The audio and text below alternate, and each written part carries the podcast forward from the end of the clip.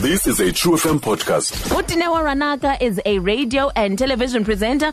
Qinisekile into yobana wakhe wambona nasetivini reality star extraordinaire ngumama i-business woman television presenter also a very gifted singer as well uzawube ehosta i-SAMAs. This year Dineo ranaka good afternoon and welcome to the midday frequency Good afternoon. How are you? i am so honored to have you on the show it's i'm a big fan Oh, thank you. Thank you so much, Ngiyabonga. It, it's a pleasure. You know, uh, I think um, as a radio presenter and also as a woman in the industry, you've always been my role model because xa and ndibona a woman who refuses to go by the status quo that uh, women should be, you know, the co-anchor, women should be the one who talks last, women should be the chipping girl. You've always had la presence. Uyifumana phi le confidence ingaka? Yo, uNkulunkulu shem ayikho enye indawo. Ayikho enye indawo. My mother and my father, njengoba bahlangene, they made very strong children. Very, we are very strong as individuals in my family. Siphuma ngedandawo. I think it's just genetic and also it's very spiritual. Um, presence yami nje, I cannot, I don't even understand it. So I can only say, oh God, and wakhetha abazali aba-right to create this presence. He picked the right man and he picked the right woman and they made the right child.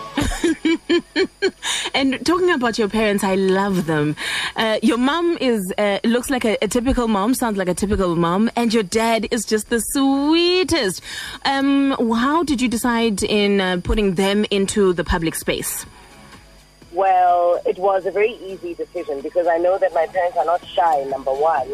And um, my father was in the media industry long, long, long before we even dreamt of being in the media industry. He was a journalist, he was a photographer, writing for Opona magazine, Drum magazine, and such uh, back in the day. And um, you know, it was, it was, it didn't take much to convince them. However, they are traditional and they are cultural. But because they saw the success of Dineo's diary and they understand that, you know, Dinewa, I'm a, I'm a natural entrepreneur. I see opportunities for business and work wherever I, I lay my eyes. And they are very supportive parents. So my parents are not the type of parents that will kill a child's dreams just because bonaboyika, you know. They are very supportive. They're very open to try out different things. I think I'm fortunate in that regard. And um, I, I, I, I took about four years to um, talk them not into it, but to make them understand my plan for the family and my plan for the show with this production. And they bought into it, and we've been we've been quite fortunate and successful in, in, in the reception of the Ranakas. Mm, and how do you feel xa i-South Africans zijonga utatakho and they're like, no, this is the father of the nation, you know, umamakho because on Twitter they've gotten such a warm reception. Do you feel a bit jealous? I, I beg your pardon? Do you feel a bit jealous when, when South Africans look at your parents and they're like, no, these are the parents of the nation? No, it's their calling to be the parents of the nation. I could never, I could never ever go to bed with envy in my heart over any one person that is gifted beautifully just as I am. Hmm. You know, so I, I, I embrace it. I definitely embrace it. I encourage them to be parents of the nation as well. You know, I mean, it's a beautiful thing. It's a hmm. beautiful thing. So we can't even we can't we can't live our lives forgetting that other children don't have parents. Yeah. If they can share in on my parents, then why not? It says uh, sharing is caring, isn't it? So why Yeah. not? Okay. So you wear so many hats radio presenter, TV presenter, TV producer, businesswoman. Is there one that's your favorite? I beg your pardon? Is there one hat that is your favorite hat to wear as Dineo Ranaka? I love all my hats. My favorite to wear is the hat of being a woman and the hat of being a parent. Mm. Uh, These hats really have nothing much to do with my career. But I think that life is fun when you embrace who you are born as. And I was born a woman, and I really enjoy being a woman. You know, even the things that I hate about being a woman, like our menstrual cycles and stuff, I still enjoy that because it is who I am. It is who we are. It makes us different from our male counterparts. I really love being a parent. I think the more I, I, I watch my children grow, the more I embrace their growth, the more I grow. So there's so much education in being a parent.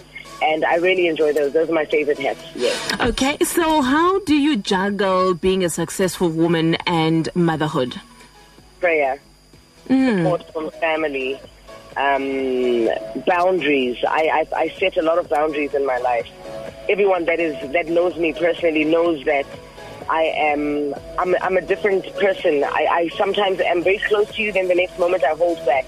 And then I come back into my own world. I'm in and out and I'm in and out. Not because I'm not consistent, but purely because I really prefer my boundaries. I really appreciate having, you know, limitations of access in my life. So the only way I can balance being busy uh, in my career, yeah, the only way I can balance being busy in my career and mothering and being successful in my personal life is just to say, God, you gave me all of this. What must I do with it? And then once I know what to do with it from a spiritual perspective, then I say, Mama, Papa, Managa, Ranaka, can you please help me wherever you can, as I will also help you wherever I can.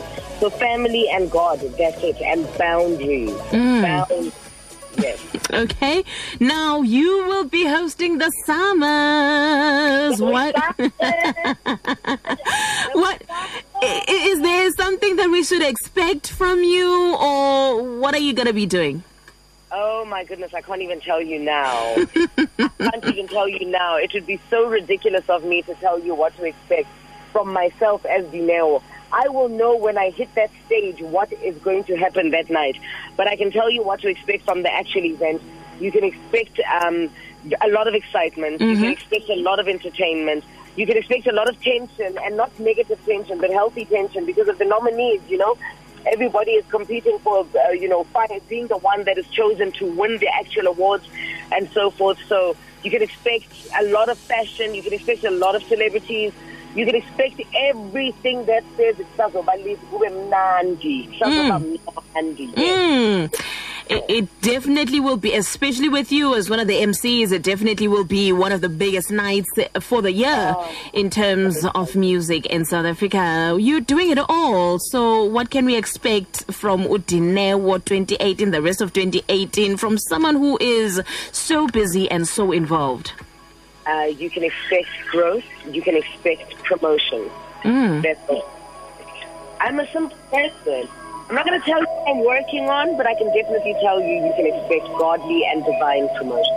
Oh, that is wonderful. Dineo, you are a role model, my role model, girls' role model, yeah, aspiring radio uh, presenters, role model. People who want to be on TV, you are a role model. You are, you are just a role model. With all your inve- uh, uh, endeavors, and may you grow from strength to strength. How do we follow you on the uh, social medias?